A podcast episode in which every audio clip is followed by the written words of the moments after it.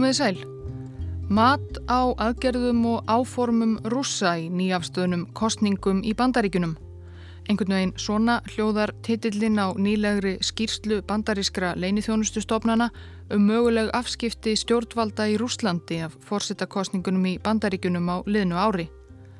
Skýrslan er há leinileg en tveggja sína útráttur úr henni var gerður ofinber nýverið og hefur valdið talsvert miklu fjadrafóki Vestanhafs. Hún fjallar um það sem svo sem hefur verið lengi í umræðunni, allt frá því löngu áður en Donald Trump stóð loks uppi sem sigurvegar í fórsettakostningunum í november. Það að rúsnenskir tölvuþrótar hafi brotist inn í tölvukerfi bandarísku stjórnmálaflokkana tvekja, republikana og demokrata og haft aðan ímsar upplýsingar sem síðan hafi verið gerðar ofinberar með það að markmiði að tryggja kjör Trumps til fórseta og klekja á anstæðingi hans Hillary Clinton.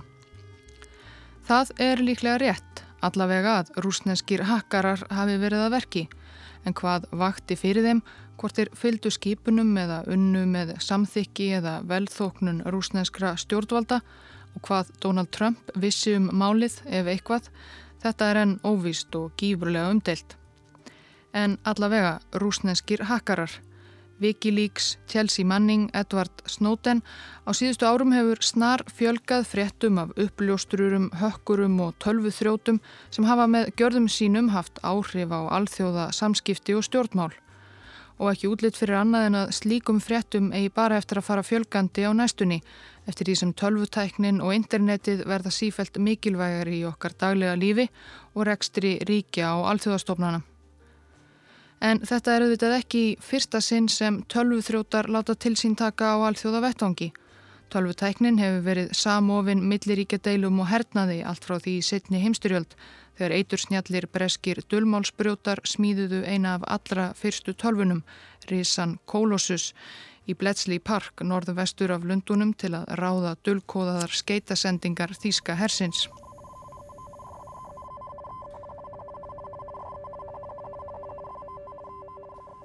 Ágæti hlustandi, í þessum þætti verður farið yfir nokkur dæmi þessur sögunni að tölvuglæpir, hakkarar og tölvuþrótar hafi látið til sín taka á alþjóða vettvangi og jafnvel valdið milliríkjadeilum.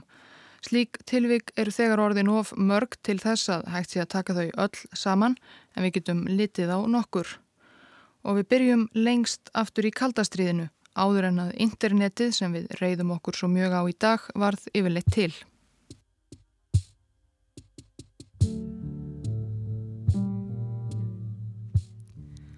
75 cent, bandarísk cent það er. Það er frekar lítill peningur í dag og það var líka frekar lítill peningur árið 1986.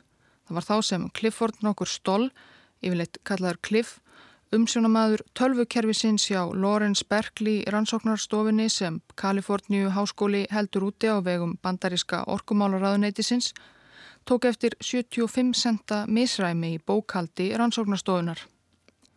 Stól var doktor í stjarnælisfræði en hann var líka tölvugúru og sá um tölvukerfið á rannsóknarstofunni til að eiga fyrir frekara námi og fræðastarfi.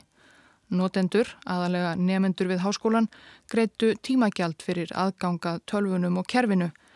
En það sem hann sá þegar hann lagðist yfir bókaldi þarna dagætn árið 1986 var að einhver virtist hafa notað kerfið fyrir 75 cent án þess að borga. Þetta var ekki mikill peningur en Olli stól enguða síður hugarangri. Hann kannast ekki við að nokkur hefði tengst kerfinu hans án þess að tilkynna það á borga. Enguða síður virtist það vera raunin. Og 75 cent, það jafngildi ekki nema um það byl nýju sekundum af notkunartíma kervisins. Stuttur tími. Hver hafi verið þarnað verki og hvers vegna? Stól varðað komast að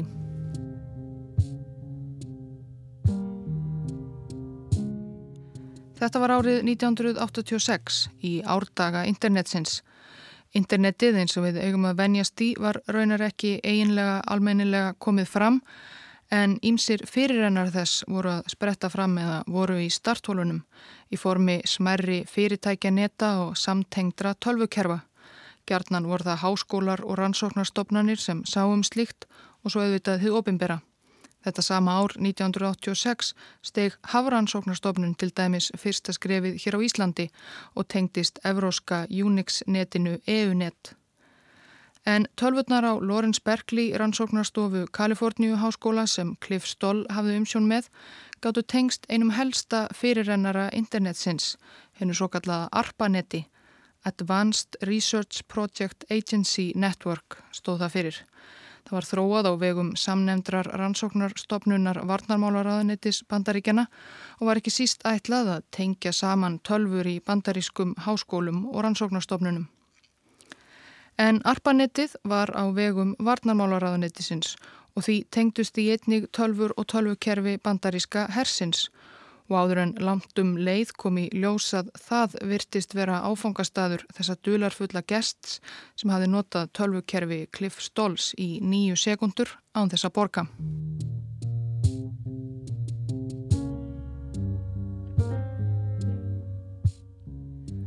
Stoll sagði síðar sögu sína af þessu máli í bók sem kom út 1989, The Cuckoo's Egg, Tracking a Spy Through the Maze of Computer Espionage. Bókin, ein af fyrstu bókunum sem fjölluðu um tölvuglæpi og hakkara og bara nokkuð spennandi sannsögulegur njósnatrillir, segir frá því hvernig stól einsetti sér að svifta hulunni af tölvuþrótnum sama hvaða kostaði hann af vinnu og yfirlegu. Og það gerðan. Eins og hann lísti því sjálfur rakti hann slóð þjófsins smátt og smátt eins og hann væri að rekja upp peysu en reyndar flæktist gardnið í peysunni bara því meira sem hann rakti af henni allavega framanaf. Það rann fljótt upp fyrir honum að tímaþjófurinn var engin venjulegur háskólanemi eins og flestir sem notuðu tölvukerfið hans. Þessar nýju sekundur sem ekki hafi verið borgað fyrir, þar höfðu verið um helgi. Eina helgi lagði stólði undir sig allar tölvurnar á rannsóknarstöðinni og allt kerfið og fyldist með hverri tengingu og reyfingu sem þar mátti greina. Þannig tókst honum að komast að því hvaðan sentaþjófurinn tengdist kerfinu. Það var í gegnum símstöð í Maklín í Virginíu, ekki langt frá höfuðstöðum leini þjónustunar CIA. Gatt verið að það væri bara tilviljun. Og málið var svo enn dölarfyllra. Hann komst líka að því hvað 75 centa þjófurinn var að gera í kerfinu. Hann notaði tölvukerfi stóls til að lauma sér inn á hernaðarlegan hluta ARPANET-sins og gramsa í tölvukerfum herstöðva vítt og breytum bandaríkinn. Þar virtist hann aðalega vera á höttunum eftir gögnum sem tengdust háleinilegum ofur viðkvæmum málum eins og kjarnorkutækni og sprengjum, flugskeitum og annari hernaðatækni. Bara það að komast að þessu tók margra mánada rannsóknarvinnu. Um leið og það rann upp fyrir stóla það var eitthvað skuggalegt á bakvið sentin 75 sem vantaði í bókaldið fór hann að vinnað málinu á kvöldin og um helgar, svaf í sveppoka við tölvurnar varð að komast til bóts í þessum. En þegar hann var komin um það byl þetta langt í rannsókninni rann líka upp fyrir honum að málið væri svo viðkvæmt og flókið að hann er því að fá fleiri til liðs við sig. Það nægði ekki að hanga yfir tölvum og síma og síðkvöldum. Þetta væri mál sem hugsanlega snerti þjóðaröryggi. Það var þá sem Stoll reyndi að hafa samband við leinið þjónustutnar CIA og NSA og OSI, leini þjónustu flughersins, sem og allríkislaurugluna FBI og jáfnvel fleiri ofinbærar stopnarnir sem þekktar voru undir þryggjastafa skamstöfunum. En honum reyndist nokkuð erfitt að vekja aðtikli þessara stopnana og fá þær í lið með sér. Hakkarar, tölvuglæpir voru eins og nýjir af nálinni, tilhugsuninum að einhver huldumadur hvar sem er út í heimi geti komist yfir bandarísk hernaðarleindamál bara í gegnum tölvu var jafnvel CIA og NSA en gjörsamlega framandi. Skildu varla hvaðan var að fara.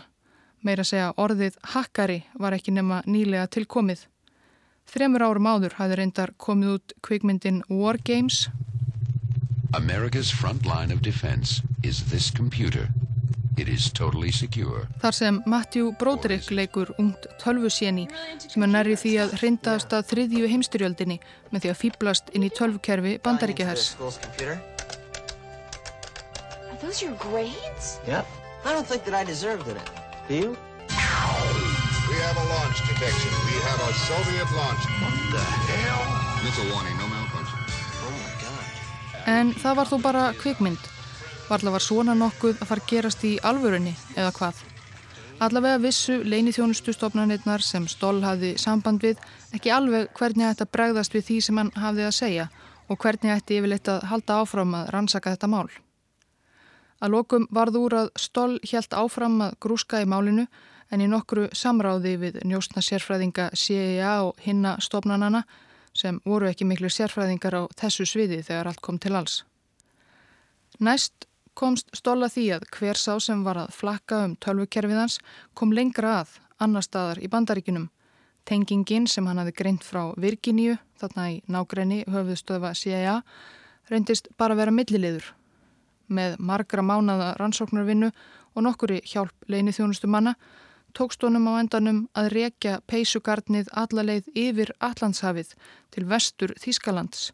Þróturinn tengdist bandaríska tölvukerfinu gegnum háskólanet í Bremen í norð-vestanverðu Þískalandi og málið varð sífælt dularfellira.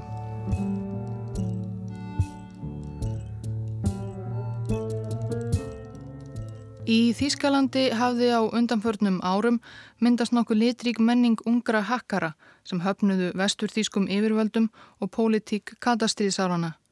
Nokkrir af þeirri tegund hakkara mynduðu skipulaðan félagskap sem kallaður var tölvuklúpurinn Kaos og eins og nafnið benti til hafðu þeir ekki síst áhuga á því að nota færni sína á tölfur til að valda allskins glundróða og jáfnvel óskunda. Þeir sótu innblástur meðal annars til vísindaskáldsagna Williams Gibson, njósna bókmenta, já og einhverjir þeirra kvikmyndarinnar Wargames sem minnst var á hér áðan. Þeir voru ekki beint pólitískir sjálfur, allavega engir eldteitir kommunistar eða þannig. Engu að síður og hvað sem raunverulega kann að hafa vakað fyrir þeim, þá ákváðu nokkrir þeirra áriði 1986 að koma sér í samband við útsendara sovjesku leini þjónustunnar KGB og bjóða fram þjónustu sína.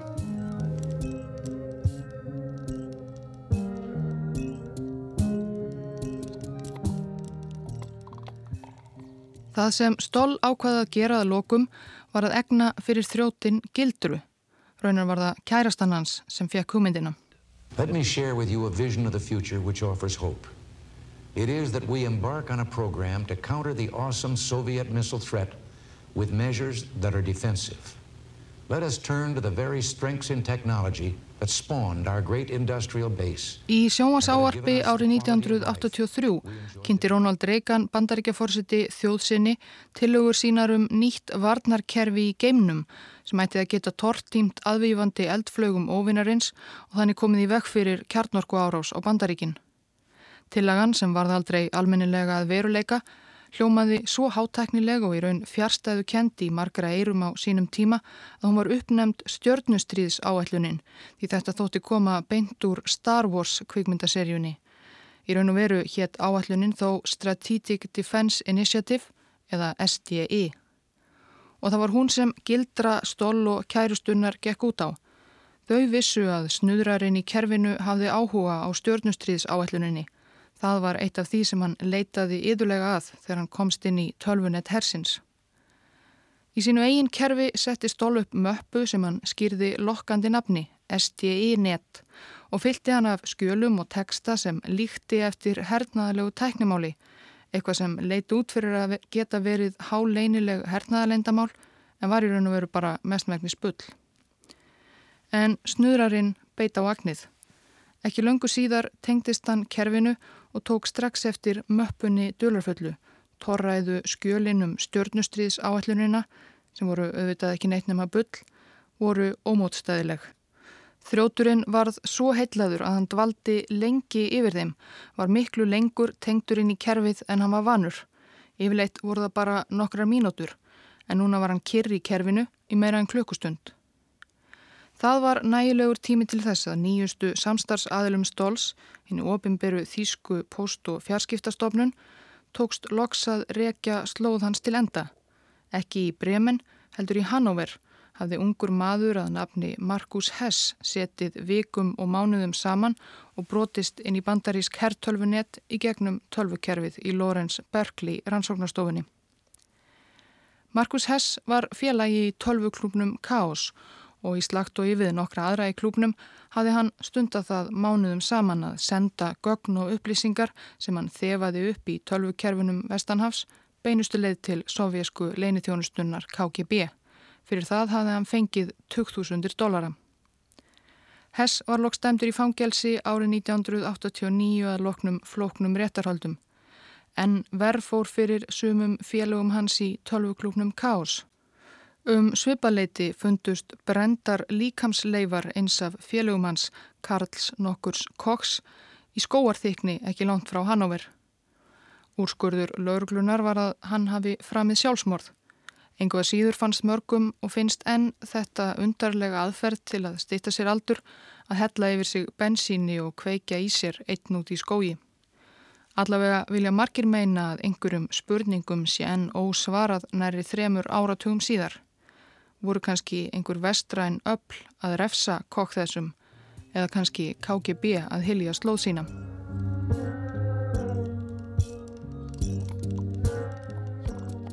Þetta var eitt fyrsta dæmið um það að hakkarar eða tölvuþrjótar tækju sér hlutverk njósnara og alls ekki það síðasta.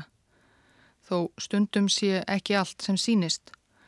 Árið 1996 hlupu bandarísk yfirvöld upp til handa og fóta þegar í ljós kom að einhver óprútin aðili hafi brotist inn í tölvukerfi bandaríkjahers, geimferðastofnunarinnar NASA og fleiri stofnana og snuðrað þar í ofur viðkvæmum upplýsingum um kjarnorkutækni og fleira. Herin grunaði að austur-evróskur njósnari væri að verki en að lokinni flókinni rannsókn komi ljósað að baki innbrótunum stóðu tveir ungir en slingir brettar sem hafði verið að leita að sönnunum um tilvist fljúandi fyrðuluta.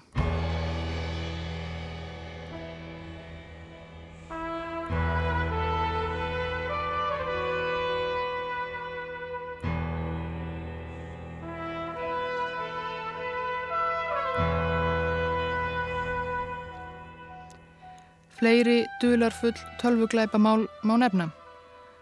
17. júni 2010 byrjaði sem venjulegur vinnudagur hjá Sergei Úlasen á skrifstofu hans í Minsk í Kvítarúslandi.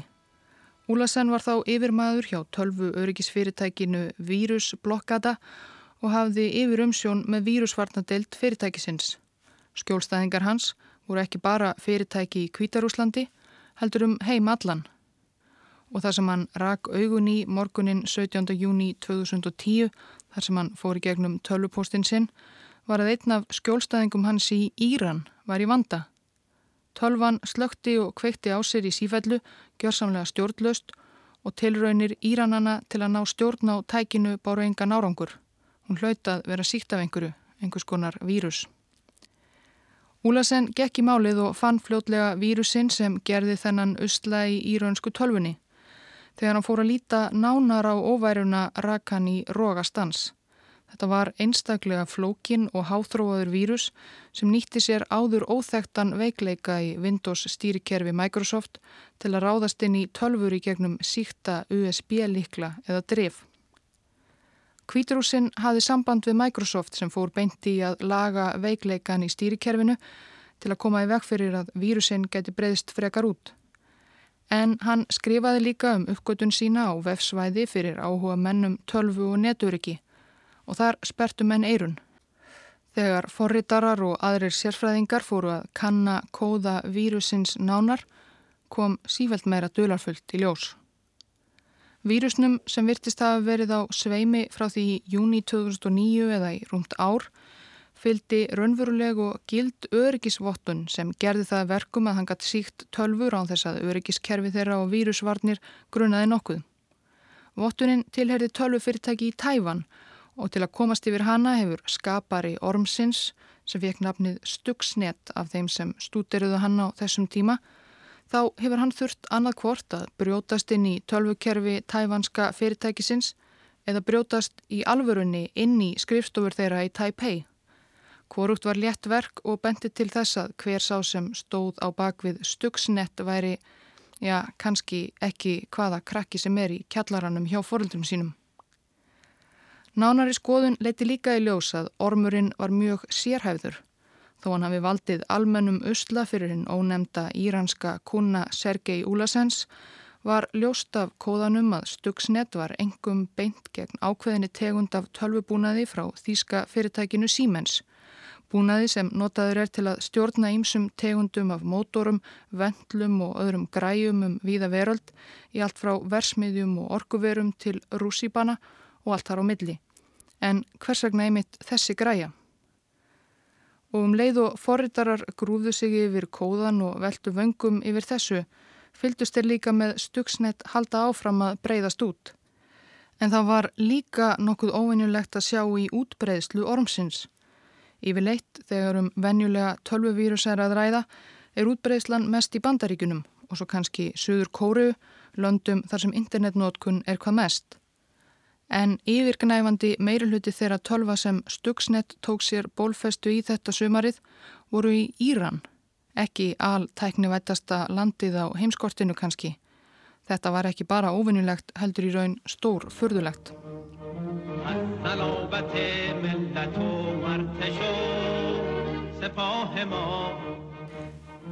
Þessi þáttur hefur áður fjallaðum sögu íraunsku kjarnorku áallunarinnar. Í þeirri sögu er að finna nóg af legum, sveikum og dölúð eins og þegar írönsk stjórnvöld keiftu kjarnorkutækni af skuggalegum pakistönskum kjarnorkuvísindamanni sem seldi leynilega þekkingu sína hæstbjóðendum í Íran, Líbíu og Norður Kóru. Íranar hafa þó ættíð haldið því fram að kjarnorku áallun þeirra sé í al friðsamlegum tilgangi aðeins til ráorkuframlegslu en sitt sínist hverjum. Nú auðvitað er búið að semja um kjarnorkumálinn Samningur Írans og vesturveldana er eitthvað mesta afreg Írans fórsetans Hassans Rouhani á æmpættistíð sinni og hefur gjörbilt sambandi Írans við umheiminn og sérilagi vesturlönd.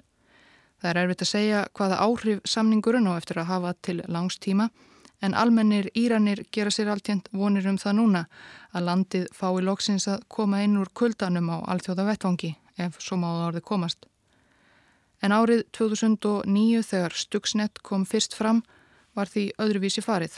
Þá var enn ískallt á milli Írans og Vesturlanda.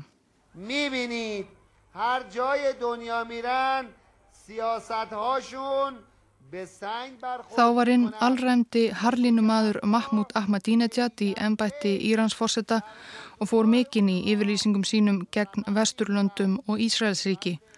Kanski skiljanlega tóku stjórnvöldi þeim löndum því með nokkrum fyrirvara að íranska kjarnorku áallunin væri al friðsamleg þegar slíkur maður gengdi einu valdamesta ennbætti landsins og virtist til alls líklegur og ekki skrítið að stjórnvöldi þeim löndum vildu gera hvað sem er til að koma í veg fyrir að þetta ólíkinda tól Ahmadinejad geti komist yfir gerðingavopn. Íran er darái fannávarí sanatí hasti ís og jeló khóhad raft Það er enn margt á huldu um eðli, tilgang og uppbruna Stuxnet Ormsins nú meira en hálfum áratug eftir að hann skaut fyrst upp kollinum hjá íranska skjólstæðingi kvíturúsneska vírusvarnarfyrirtækisins. Það kemur vel í ljós í nýlegri heimildarmynd Alex Gibney um Stuxnet, Zero Days. Þar ber hver viðmælandin á fætur öðrum því við að þetta sé of leinilegt, of viðkvæmt mál til að ræða. Uh, I don't want to get into the details. I mean, my answer is because it's classified. I, I won't knowledge, you know, knowingly offer up anything I consider classified. I don't want to comment on this. I, I don't answer that question. Unfortunately, I can't comment. I do not know how to answer that. Two answers before you even get started. I don't know, and if I did, we wouldn't talk about it anyway. Myndin er þó ekki öll svona og greinir skilmerkilega frá því hvernig tölvu spæjarar komist á endanum á snóðir um hvað stöksnett væri í raun og veru og til hvers væri ætlast af orminum að öllum líkindum. Meðal þeirra fjölmörgu stopnana sem notuðu Siemens tölvubúnaðin sem stöksnett einbeitti sér að voru kjarnorku verið írana. Þeir hafðu komist yfir búnaðin með einhverjum óþægtum hætti því Siemens mátti ekki selja vörur sína til Írans vegna viðskiptaþvingana. En enguða síður voru þær þarna og það sem í ljós kom smátt og smátt var að tölvurnar voru meðal annars notaðar til þess að stjórna úranskilvindum í kjarnorku rannsóknarstöðinni í Natans í miðju Íran. Og það voru nákvæmlega þær tölfur sem stöksnett var beint gegn. Þegar ormurinn hafi tekið sér bólfestu í þeim með því að einhver einhvern veginn síkti einhverja tölvu í sama kerfi með síktum USB-likli þá gætt stöksnett stjórnað hraðanum á skilvindunum láti þær snúast allt, allt of hratt eða allt, allt of hægt og þannig valdið miklum skemdum á skilfundunum og öðrum tækjabúnaði í rannsóknastöðinni.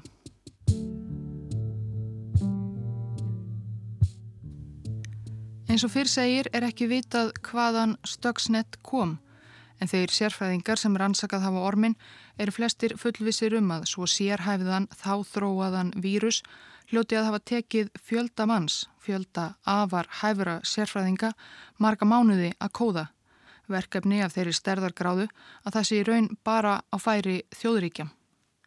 Svo ekki sé minnst á mögulegt innbrott í tölvufyrirtæki í Tæfan og hvernig orminum var yfirleitt komið fyrir í tölvunum sem stjórna skilvindunum í Natans kjarnorku rannsóknarstöðinni. Þær eru ekki nettengdar, það dögði því ekki að senda orminum símalínur eða ljósvakan. Maður, alvöru maður, þurfti að koma síktum USB-leiklinum á sinn stað. Hver það var er engin leið að segja tilum en á síðustu árum hafa komið fram ymsar upplýsingar sem benda til þess að Stuxnet hafi verið samstagsverkefni tvekja helstu óvinnum Írans á þessum tíma, Ísraels og Bandaríkjana og sérstakra tölvudelda í leini þjónustum þeirra. Það er ímislegt sem tekir benda til þess. Ísraelskir og bandarískir leini þjónustumenn eru til að mynda sagðir hafa reykt sér að þessari völundarsmíð Stuxnet við óformleg tilefni. Það er ekkert víst í þessum efnum og margt enn há leinilegt og sveipað huldu eins og við herðum.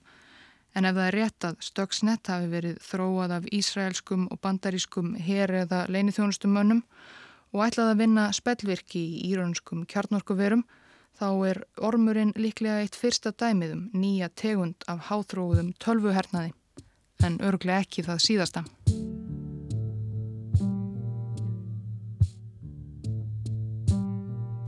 Það þarf þó ekki alltaf endilega að vera svo flókið að herja á ofinni sína í gegnum tölvuna. Það má líka notast við hverstagsleiri tækni en háþróaða og sérhæfða vírusa eins og stöksnett en valda þó talsverðum óskunda og vekja aðtikli.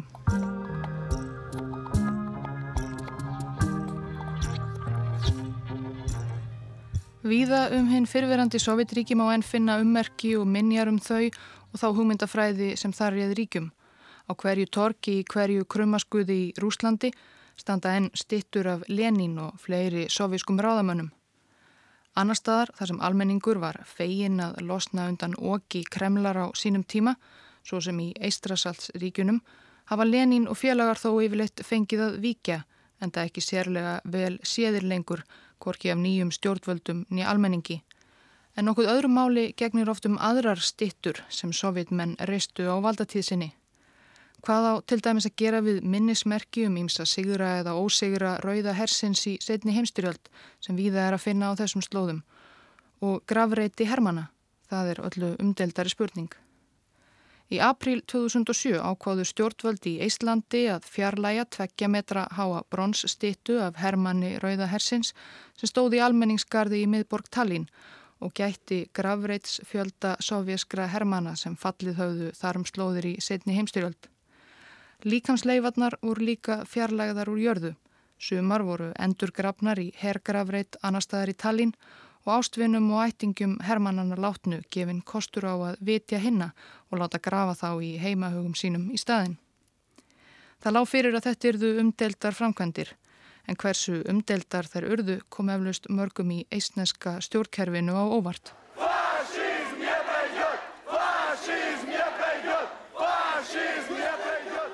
Rúsnesk stjórnvöld og sendiherra Rúslands í Íslandi brúðust ókvæða við og mótmæltu þessari hneisu. Á gödum Tallinnar mótmæltu rúsnesku mælandi íbúar því að verið væri að vannverða hetulega baráttu rauðahersins gegn þýskum nazistum.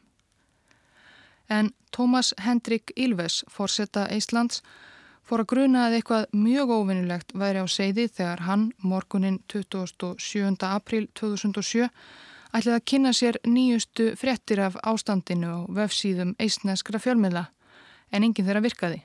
Allt var svart. Skömmu síðar byrtist starfsmæður fórseta ennbættisins í dýragættinni og tilkynnti fórsetanum að allar vefsíður hins opimbera læju niðri sömu leiðis, svo kerfin. Ástandið væri satt best að segja graf alvarlegt. Verið var að gera árás á eisneskar vefsíður og tölvu kerfi um gerfalt landið. Þetta voru svo kallar dreifðar DOS árásir. DOS stendur fyrir Denial of Service en þessar árásir hafa einnig verið kallaðar álags árásir á íslensku. Í stuttumáli fælst í þeim að tölvuþrjóturinn eða þrjótarnir valda miklu álægi á vefsíður og tölvukerfi með því að beina þangað óeðlilega mikilli vefumferð og markmiðið að síðurnar eða kerfin einfallega kikni undan þessu álægi. Síðurnar verði óaðgengilegar og notendur þurfi frá að hverfa með tilherrandi og þægindum. Þetta er alls ekki óvanaleg tegund af 12 árás enda tiltölulega auðveld í framkvæmt og stundum eru ástæðurnar að baki slíkum árásum af pólitískum toga.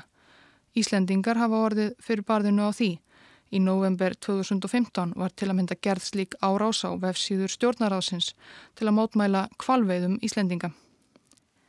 Í Íslandi var ráðist á vefsíður og tölvukerfi fósættæmbættisins, þingsins, svo að segja allra ráðuneyta, stjórnmálaflokka og stærstu fjölmiðla og banka og fjarskiptafyrirtækja. Kvorki mótmælendur nýja áhyggjufullir almenningur gæt leitað sér nýjustu frétta af ástandinu vegna þess að vefsíður fjölmiðla lágjú niðri.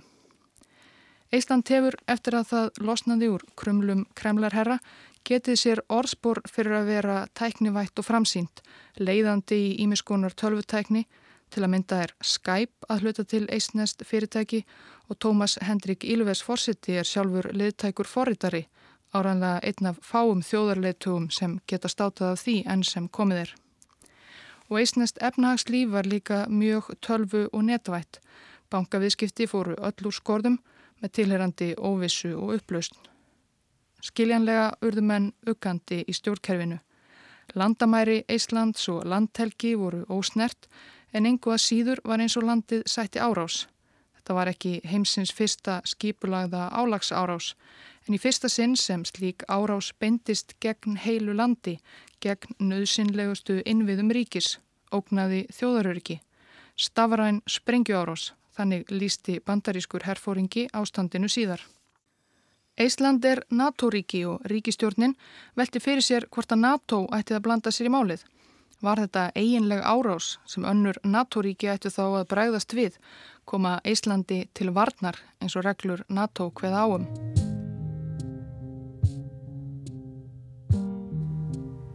Til þess kom aldrei sem betur fyrr. Árásinn fjaraði á endanum út á nokkrum dögum Ísnesk tölvukerfi lifnuðu við og þjóðfélagið komst á endanum aftur á réttan kjöl. Árásinn var þá sama tíma og eistar hlýðhóllir rúsum mótmæltu því að brons stitta af Hermanni Rauðahersins erði fjarlægð úr almenningsgarði í Tallinn rúsnesk stjórnvöld höfðu mótmælt því líka. Það þurfti ekki neitt rosalega fjörugt ímyndunarafl til að gera sér í hugalund hver geti staðið á bakvið árásina. Rúsar, það er að segja. Á dögum kaldastriðsins voru Sovjetríkin langt á eftir keppinautum sínum í vestri í tölvutækni. Það var raunar ein af ástæðunum sem vesturþíski hakkarinn Markus Hess nefndi fyrir því að hann stál bandarískum hernaðarleindamálum og seldi KGB á sínum tíma. Honum og félögum hans í tölvugrúpnum Kaos fannst ótækt hvað sovjetmenn voru langt á eftir vesturlöndum í tölvumálum og annari tækni. Þeir vildu jafna stöðuna. En eftir fall Sovjetríkjana hafði hið nýja Rúsland tekið sig á í þessum efnum svo eftir var tekið og Rúsland státar nú af heilum her af einstaklega færum hökkurum. Og grunurinn um að rúsneskir hakkarar hefðu verið á bakvið 12 árásina á Ísland reyndist ekki úr lausulofti gripin. Þegar stormin lægði og eistar gáttu farið að rannsaka hvað hafði einlega átt sér stað kom í ljósað mikið af þeirri vefumferð sem hafði verið beint til Íslands og orðið eisneskum tölvukerfum um megn var frá Rúslandi. Rúsnesk stjórnvöld neituð því staðfastlega að hafa haft nokkuð með árásinn að gera, beinlínis. Enguða síður eru margir sérfræðingar á þeirri skoðun að árásinn hafi ekki aðeins verið gerð af rúsneskum tölvuþrjótum, heldur hugsanlega líka með samþykki rúsnenskra yfirvalda, allavega velþóknun.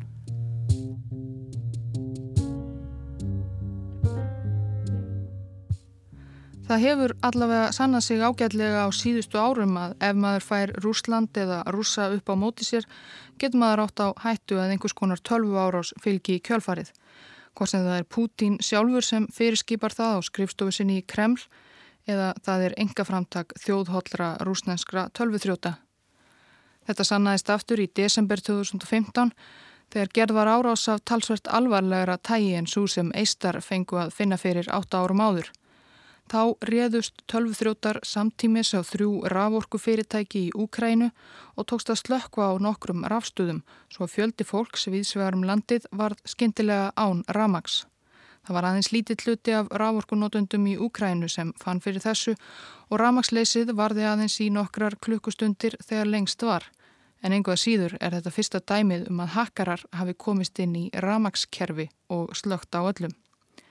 Við rannsóknarmálinu komi ljós að þrjótarnir hafðu tengst kerfinu frá Rúslandi sem átti þá og á enn í eldheitum deilum við stjórnvöld í grannríki sínu Úkrænu.